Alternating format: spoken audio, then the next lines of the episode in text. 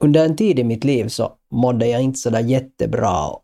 För att hitta välmående så spelade jag en del Playstation. Jag tror det var GTA bland annat som jag mycket spelade just då. Och det fungerar i alla fall kortsiktigt. Alltså att må bättre. Uh, när jag började må sämre så dök jag ännu djupare in i den här spelvärlden och, och för att hitta den där sköna känslan som jag hade fått från, från det här spelandet tidigare. Men jag hittade inte den och, och, det där, och det gjorde att jag fick mig att liksom söka ännu mera och så sökte jag ännu mera och hittade den inte i alla fall och så sökte jag den ännu mera.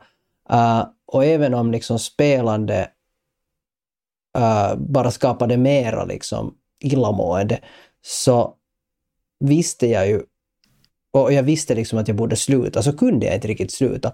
Och det resulterade i ett sånt här, ett fenomen eller någonting som man har börjat kalla dark flow. Och det är det tema som vi ska tala om idag.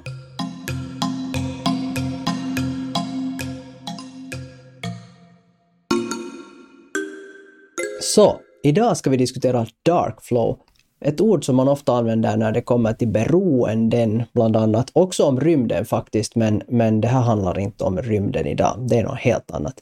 Uh, som vanligt har vi med oss igen Benjamin Morgens. Moi. Och så har vi mig själv, Oskar. Men först så tänker jag att vi ska på något vis idag, kanske vi först försöker förstå det här uttrycket och, och, kanske hitta någon sån här, mm, hitta vår relation till det och vad det kan betyda eller vad det innebär. Och, och så tänker jag sen därifrån att vi kanske kan försöka komma åt på något vis. Att, vad kan man göra om man märker att man, man hamnar, eller håller på att hamna i en sån här dålig flow på något vis. Men så där, för en öppningsfråga så tänkte jag kasta bollen till dig eftersom det här är bollplanket. Uh, Benjamin, kan du alls relatera till den här storyn som jag börjar med idag? Ja, uh, visst. Uh, för mig så spelande, jag har alltid haft ett lite annorlunda förhållande kanske till spelandet, fast jag fortfarande i dagsläget spelar en hel del dataspel. Så det där, för mig, jag, jag har kanske haft den där känslan, men inte kanske på samma sätt, eller på ett så, sätt att jag skulle ha känt mig orolig över mitt spelande. För att uh, för mig har det mest varit frågan om avslappning, att på något sätt hoppa in i en annan värld och liksom ta avstånd från, från, från, från vardagen och liksom av, slappna av på det sättet. Men ja, jag, jag förstår absolut vad du tänker på med dark flow och, och det som jag i, mitt, i dagsläget liksom eh, skulle kunna dra en parallell till är det, det här vertikala videorna, TikTokar, Instagram reels och YouTube shorts, att där känn, tror jag att det finns ganska liknande fenomen där du bara scrollar vidare, du scrollar vidare och du, du det där. Och, det, och det blir liksom kanske, du, du mår inte bra av det, det känns inte liksom, du får inte riktigt någonting vettigt ut av det, men du bara liksom fortsätter för det blir ett sånt här sug, ett sånt här beroendekänsla och det är svårt att liksom stänga av. Att, att där, där kanske jag känner, känner att det skulle kunna vara en sån parallell till de här känslorna som du beskriver. Det där var ett jättebra exempel. Jag hade inte egentligen överhuvudtaget tänkt på det där, att det är ju just så. Och jag faktiskt, nu när du säger det, så jag har, har faktiskt upplevt någon gång det där att, att jag har suttit på, på TikTok typ och, och så vad heter det, har jag uh, har jag konstaterat att men bara det kommer en video som jag lite skrattar åt så sen får jag sluta. Och, och så har man liksom hållit på så här, ja, not fun enough, nej, inte vet jag, det där var inte så kul, ja, ah, vi tar, nej. Och så liksom märker man att oj, det får liksom 30 minuter senare. Och, och det är ju som, eller i alla fall den känslan då, så det, det var nog liksom en, en miniversion kanske just av, av det där, av just det som jag upplevde under en längre, liksom under en längre period. Då, är det, mm. då med, liksom, med, med mitt uh, med liksom Playstation-spelande. Så det var ett jättebra exempel, tänker jag. Och jag tror att ganska många kan relatera till just det där. Att fastna i det där och sen må jätteskit efteråt. Kanske man till och med mår bra. Liksom just den här flowen, en flow-tillstånd är ju oftast något som tänker man som en bra sak. Medan en dark flow är liksom en dålig sak, var man liksom fastnar i någonting och man märker att det kanske äter upp en massa tid kommer tid är väl kanske det som man mest hassar bort när man, när man fastnar på TikTok. Men, men om det sen handlar om, om gambling så kan det ju handla också om pengar som försvinner i den där flowen. Och det där uh, Ja, och den där, i alla fall som jag i alla fall upplevde, den där ångesten när man sen märker att, att herrejestas, jag har suttit så här länge med det här och det har inte gett mig absolut ingenting. Mm. Uh, varför gör jag det här? Och så, och så liksom, och då har jag liksom kunnat liksom stiga ur det och gå bort medan det som kanske, det var kanske den där skillnaden, men, men jättesamma den här upplevelsen. Ja. Skulle du beskriva det som att du känner dig bedragen av dig själv?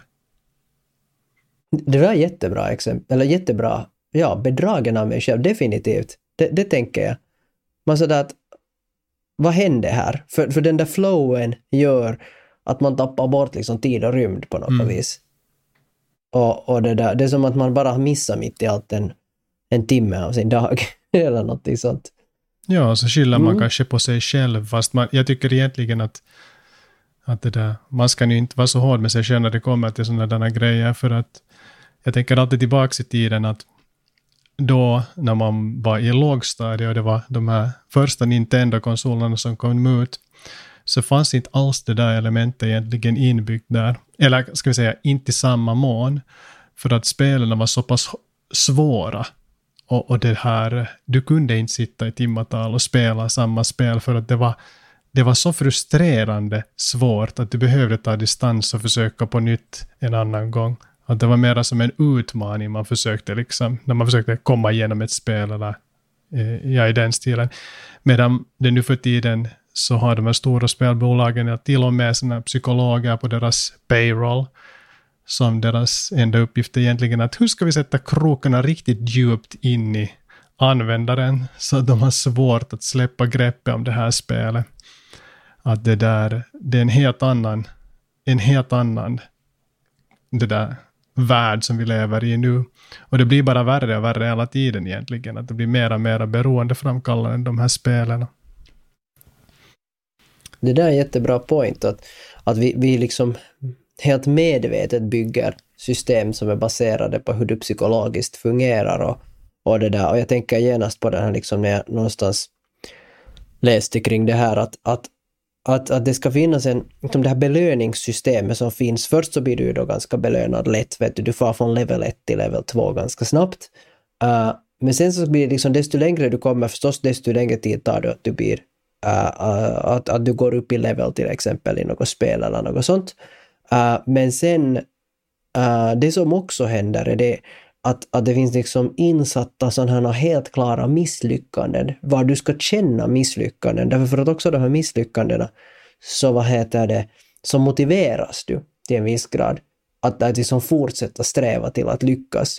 Så, att, så det är nog en, en jättestor sån här fabrik kring att, att, få, att, att lära sig hur människans hjärna fungerar och kunna använda det till sin fördel. Eller använda det till spelets eller till appens eller till, till sociala medians fördel så att du faktiskt ska fastna så hårt som möjligt i det.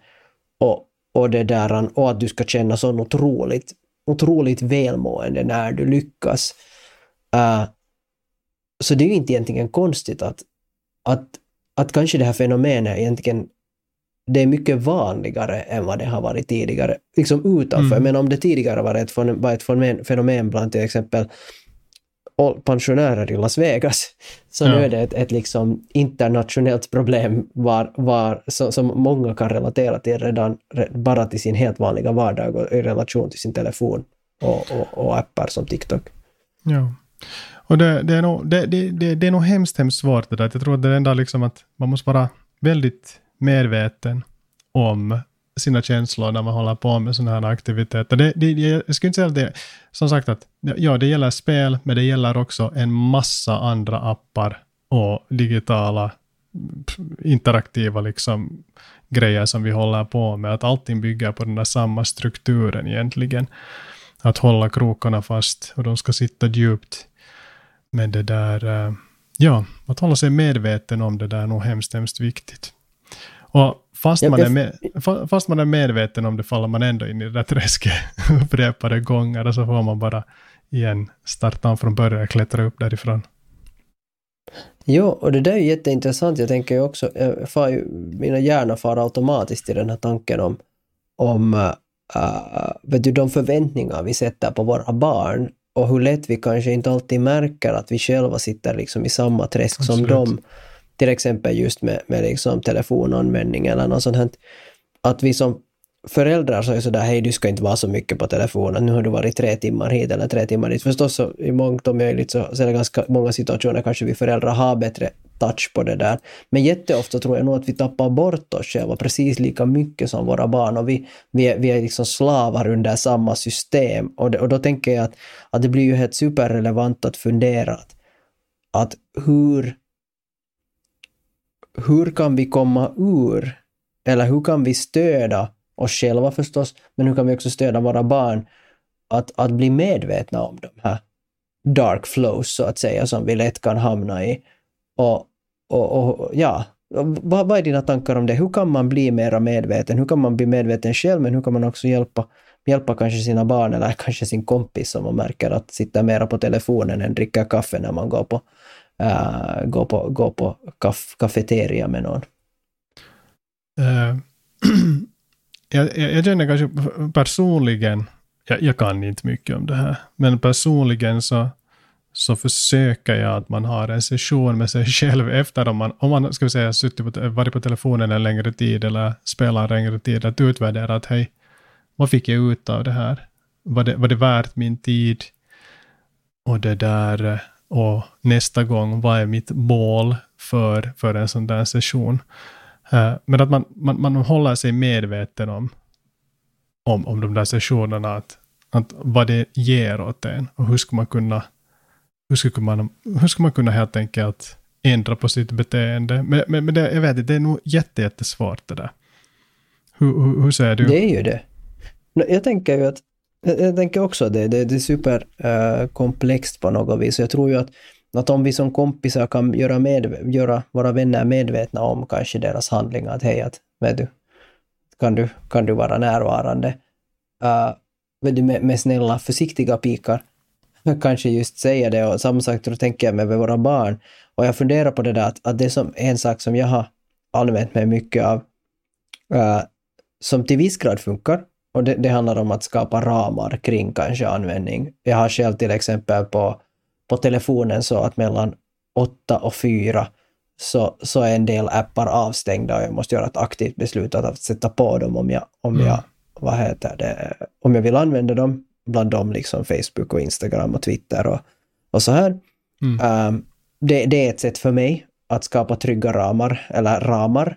Jag gör det också med mina barn, använder bland annat något Google Family Link och sånt här för att, för att på det viset kunna göra mina barn medvetna om, om, om liksom hur mycket de förbrukar appar. Och då kan de också söka med, fråga om mera tid eller, eller något sånt. Och det har varit, det tänker jag är en ganska bra grej.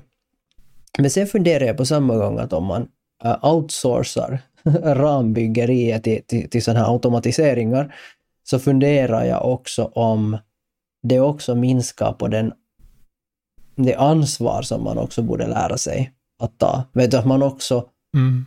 faller i de där groparna och failar och på det viset uh, på det viset liksom, ja, att, att man får möjlighet att stanna upp och reflektera och vara sådär, vitsi det känns skit när jag bara fastnar i den där appen idag. Mm. För att jag tror vi behöver den där, det där misslyckandet på något vis också.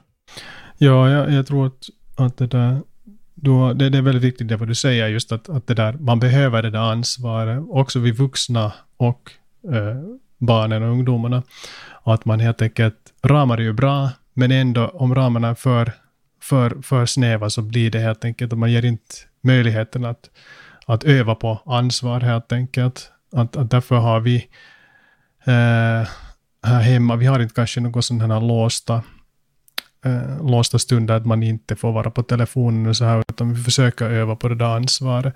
Men det är nog jätte, jätte, jättesvårt. Det är nog hemskt svårt och det, mm, det, det är en balans man måste testa framåt. Ansvar, väga ansvar mot, mot just de där ramarna, att, att varra man den gränsen. Och det är väldigt personligt också. Ena behöver väldigt mycket tydligare gränser och, och styra sitt beteende på det sättet, medan andra kanske känner att de vill utveckla det ansvarstänkande. Det är ju hemskt, hemskt individuellt. Ja, och, så tänker jag ju genast, alltså jag tycker ju om mina, mina automationer, alltså då Family Link som begränsar mm. eller, eller mina egna liksom. Jag tycker om dem därför för att uh, när jag själv är trött och inte riktigt orkar och, och så här, så har jag lättare att fastna. Jag, faktiskt, just kanske därifrån jag kom in i det här temat också idag, att det känns som att jag varit ganska trött den senaste tiden. Mm. Och, det, och jag har definitivt, jag har faktiskt, för att gå tillbaka till, till storyn som jag började med, så GTA har jag faktiskt suttit och spelat nu de senaste par veckorna ganska mycket.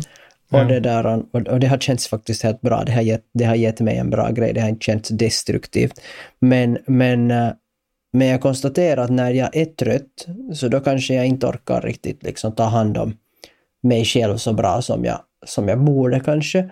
Och då tänker jag också att, att i egenskap av förälder, så det gör ju det att om jag sitter och jumittar fastnar på, på GTA eller något annat, så, så gör det ju också det att jag kanske inte heller stöder mina barn i att de ska ta de där liksom aktiva, liksom, eller vara ansvarsfulla eller så. Att, att det mm. blir liksom, um, vad ska vi säga, eller, nu låter det som att jag skulle vilja kontrollera allt med lösare tyglar i och med att jag inte själv är jättenärvarande. Mm. Och sen på samma gång så får jag ifrågasätta mig själv att om inte jag är närvarande så varför måste någon annan vara det? Ja. Ja, jag, jag har en sån där ganska spännande historia egentligen. att För ett antal år sedan så funderade jag om jag skulle ha sagt upp mig själv helt och hållet och det där spela poker på heltid. Att då hade jag på det sättet vid sidan om jobbet så spelade en hel del poker och studerade faktiskt poker en hel del. Läste en hel massa böcker och gjort en massa uträkningar och det finns en massa verktyg på, på nätet man kan utnyttja för att räkna ut odds och, och, och kolla ut optimala strategier och sånt här. Så jag var en, en vinnande pokerspelare på det sättet. Jag, jag började med att sätta 30 euro in. Och så sa jag till mig själv att okej, okay, att jag är inte en gambler på något sätt, men det där, om jag förlorar det här 30 euron så då kommer jag inte någonsin att spela mera. Och, och, och det, det var mycket tur men också strategi som gjorde det att sen fick jag den där 30 euron att växa till tusentals euron. Och, och så tog jag ut och med jämna mellanrum och betalade till exempel för semestrar. När vi var på semester så betalade jag med pokerpengar. Och, och då funderade jag just så här att borde jag bara säga upp mig och göra det här på heltid? Att jag visste att jag har liksom, jag har talang och kunskap för att göra det. Men där var just också den här dark flow-aspekten bredvid en. Att varje gång man spelar en längre session så, så har du den där rationella tänkande där du följer dina strategier, men det är alltid den här, den här lilla, vad ska man säga, lilla djävulen som sitter på sidan av ena axeln och, och viskar att, att man ska följa sina känslor. Och känslorna brukar oftast leda till att, att då, då kan du, du kan inte vinna på poker om du följer dina känslor. Utan du ska ha ett kallt huvud och bara följa din strategi. Och då tog jag nog det beslutet att jag, jag litar inte på mig så mycket. Att jag skulle kunna, kunna det där hoppa in i, i en sån där värld på heltid.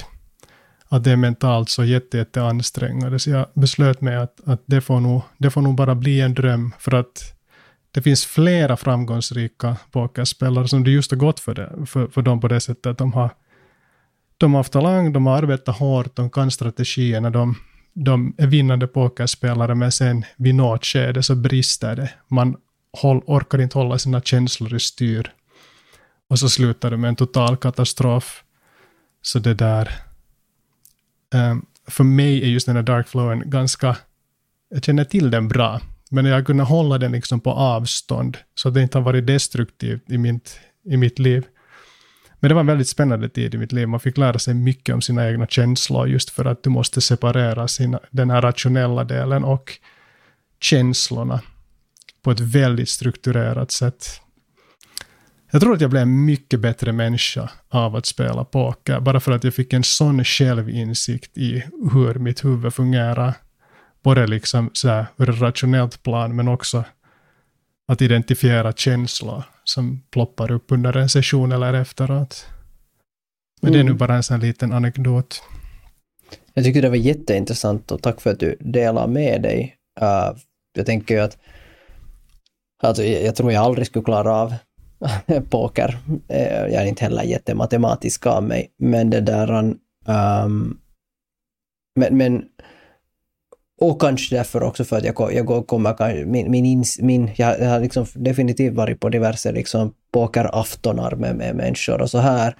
Uh, men jag går alltid in med en sån här jätte, liksom lekfull attityd. Men jag ja. bryr mig definitivt inte vad jag håller på med. Och det där, och, och, och det, jag vet inte, kanske det delvis också är en försvarsmekanism att, att jag vill inte gå för hårt in i det heller för att jag tror att jag skulle bli så besviken och arg om, jag, om jag liksom sen skulle fejla.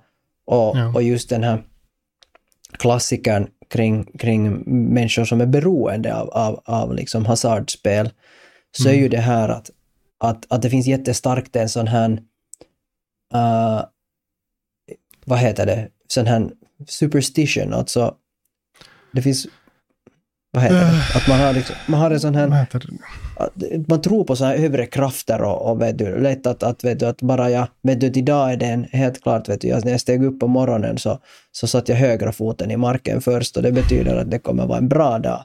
Och, ja. och det finns mycket människor som styrs av det här, som, som håller på med gambling och annat sånt och de på det viset skapar en större betydelse och, och, och, länkar till större saker än själva spelet och, och, och det här. Det har jag förstått liksom att att en av de sakerna som lätt händer för människor, speciellt när de hamnar i sån här dark flow, vad man inte kanske, uh, vad man tänker mer känslomässigt än, än rationellt, så det där, så är det där man tänker att, var, att, att liksom man, man, tänker inte att varje match är en individuell match, utan man, man fastnar i en sån här tanke om att det finns en större helhet. Vet att i något skede måste vända på grund av att de här har varit dåliga, så, kan, så måste ju komma en bra till näst. Ja. Uh, och, och, och just sådana liksom känslobaserade, uh, man rationaliserar sina känslor.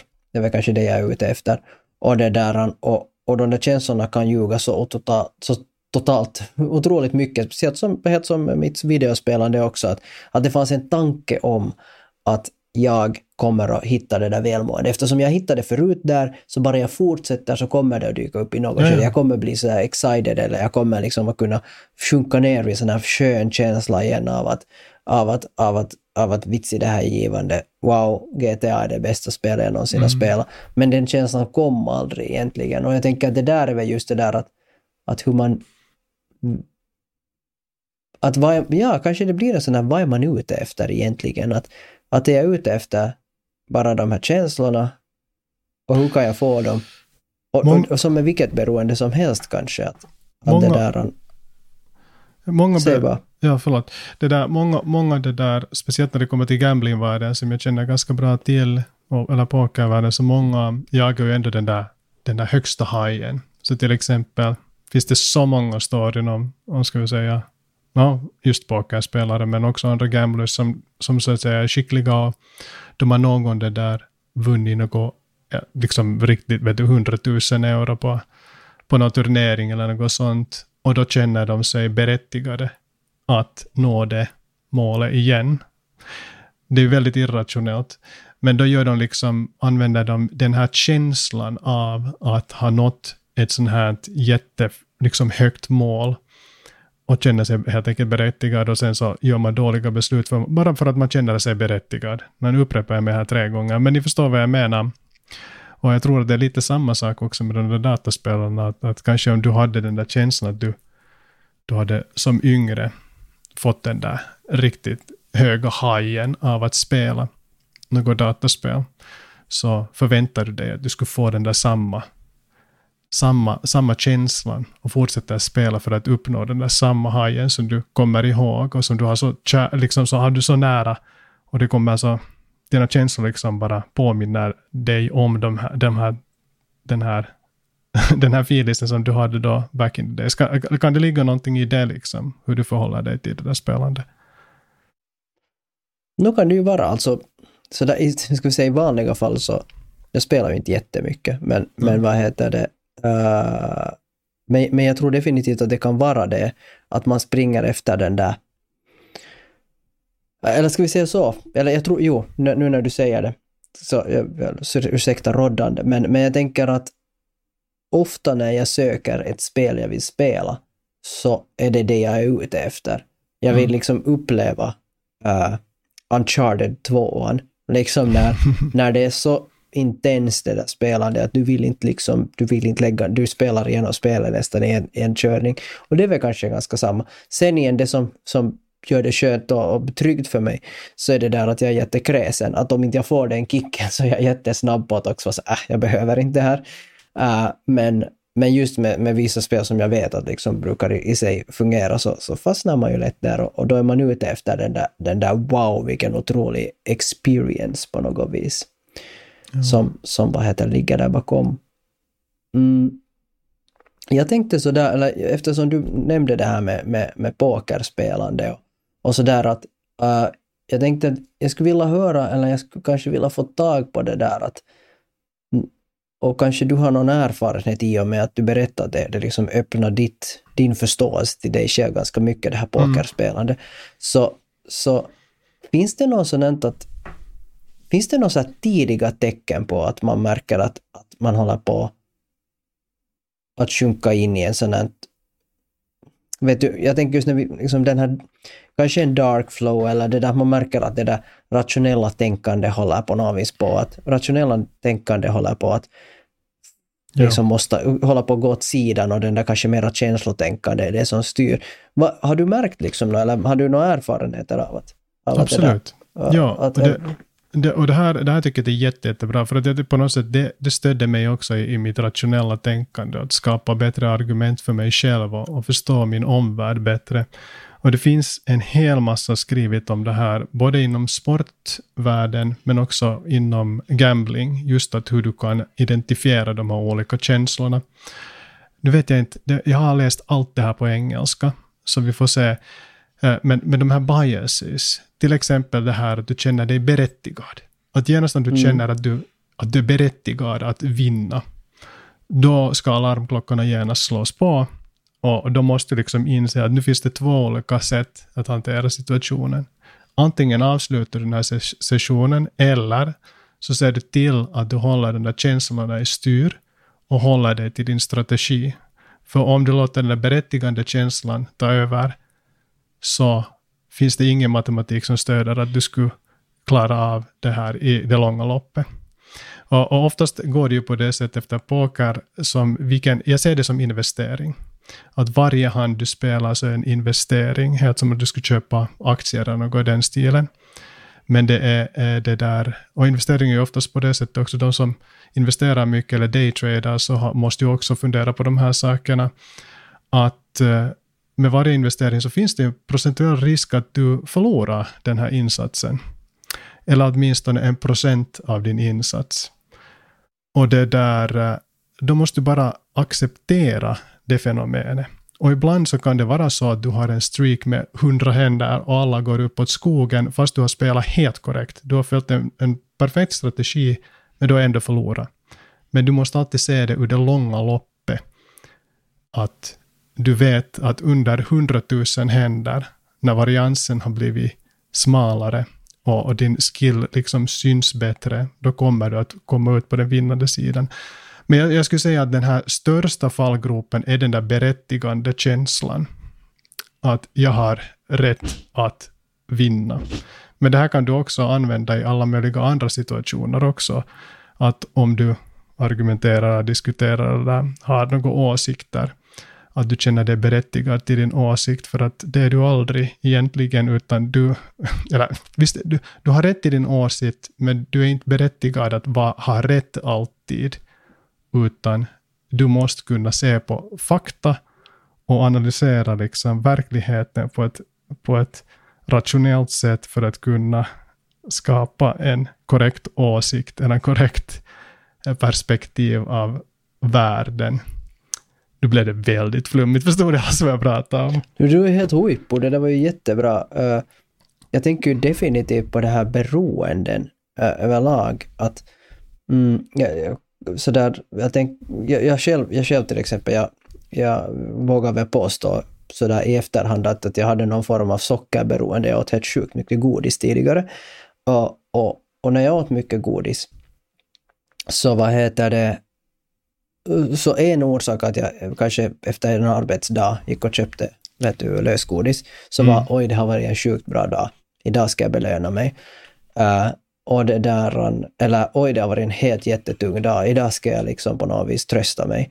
Eller, eller no, men idag så känns det väl bara för en, en, en, en påse godis. Och, och jag tänker alla de här exemplen av, av varför jag kunde äta godis mer eller mindre hur mycket som helst och hur ofta som helst, så var ju det att, att, uh, att jag kände att jag var på något vis, jag var berättigad det. Jag var berättigad det ifrån, för, för att jag hade en dålig dag till exempel. Mm. Och det där, så jag tycker att det där var ett jättebra exempel på, på, på en alarmklocka till att varför du... För när du måste på något vis berätta du berättigar dig själv så, så är du ju också, det, den andra sidan av det där berättigande är ju kanske det att, att, att det finns en sån här, att det finns något som är fel, så att säga. Mm. Att, att det finns en, en rätt och en fel och, och, och jag gör det här. Det är lite som när du ska köpa någon, jag vet inte om, om, om du ska köpa en kamera eller någonting, så, så, så berättigar du dig att ja, men det här är nog en bra sak, därför för att, därför för att, därför för att, och, och de där orsakerna du lägger fram så är ju bara en massa argument som talar till din fördel ofta när du, mm. när du vill ha någonting eller, eller något sånt. Så jag tänker att det där berättigande, det var, det var ett bra exempel på, på vad heter det, på, på det. Och sen när det kommer kanske till, igen till, till kanske beroenden då, och, och mitt godisätande, så tror jag också att en annan helt klar alarmklocka är ju det också, att när du börjar gömma det, om du märker att du börjar känna en skam över det du håller på med, att det där Uh, att, att du, du är sådär, vet du, någon kommer in i rummet och du stänger fort av din Playstation eller någon kommer in i rummet och du gömmer din godispåse eller, eller din öl eller, mm. eller ditt pokerspel eller ditt vad som helst. Så då tror jag, det, det tänker jag också är en jätteviktig sak att, att märka att, att varför är det så att jag inte kan riktigt stå bakom det jag håller på med.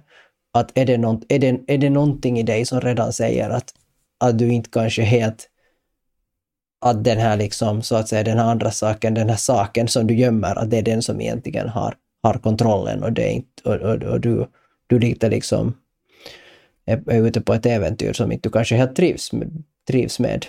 Ja. ja, absolut, jag håller helt med om det. Men, men just det där att jag tycker att det här, det exemplet som jag tog upp med de här biases, så det finns en hel olika liksom mängder av de här olika biasesna som man kan kolla igenom. Jag, kan, jag, kommer, jag vet inte vad det svenska ordet är, men om man googlar biases, om man är intresserad av det så kolla upp. Jag försöker också komma hårt på vad det där ordet är. Vänta, jag gjorde en snabb är... Google-sökning, men här, jag tycker inte om det här, här är fördom, men det stämmer inte riktigt. Ja, alltså bias är väl en fördom, men det är också en... Det, det är kanske det att man helt enkelt då um, luta sig på argument som inte... Eh, till din egen fördel. Du har ja, en, liksom, som, en ja, snäv som, som eller en begränsad... Sig, ja, eller som inte baserar sig på verklighet helt enkelt. Ja. Oftast väldigt starka känslor som just stöder din, din eg, dina egna liksom, känslor och inte ja. verklighet. Ja, alltså du är inte oberoende, utan du är beroende, så att säga. Du är inte obero, liksom har inte en oberoende åsikt i det, utan det, Ja, och så, ja, ja. precis. Ja, obunden. Eller vad, ja, oberoende, oh. inte vet jag.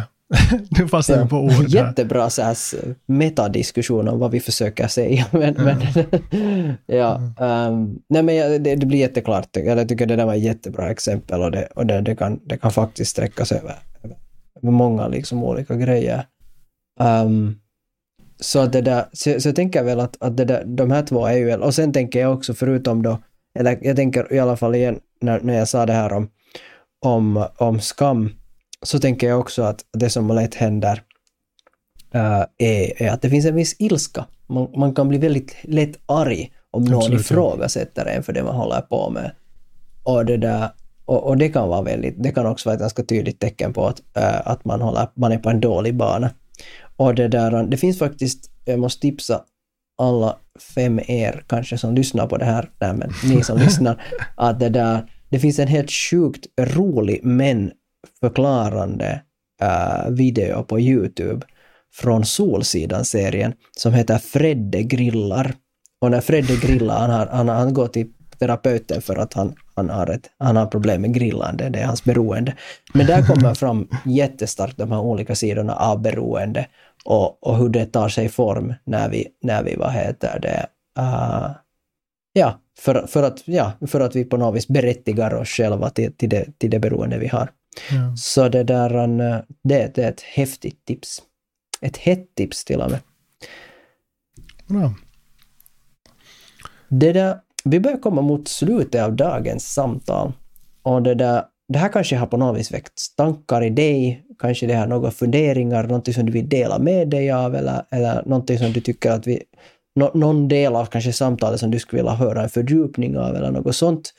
Som vanligt så är det bara att höra av sig till oss, till exempel på Instagram på bollplank1 eller, eller, eller skriva i, på Spotify under den här avsnittet en fråga eller en kommentar eller något sånt om vad du gillar avsnittet och någonting som du önskar att, att vi skulle kunna ta mera upp eller, eller någonting som du inte gillar. All, all feedback är välkommen för jag tänker att det för oss är alltid en, en, ett, härligt, ett härligt sätt att, att liksom få, få idéer till, till nya avsnitt.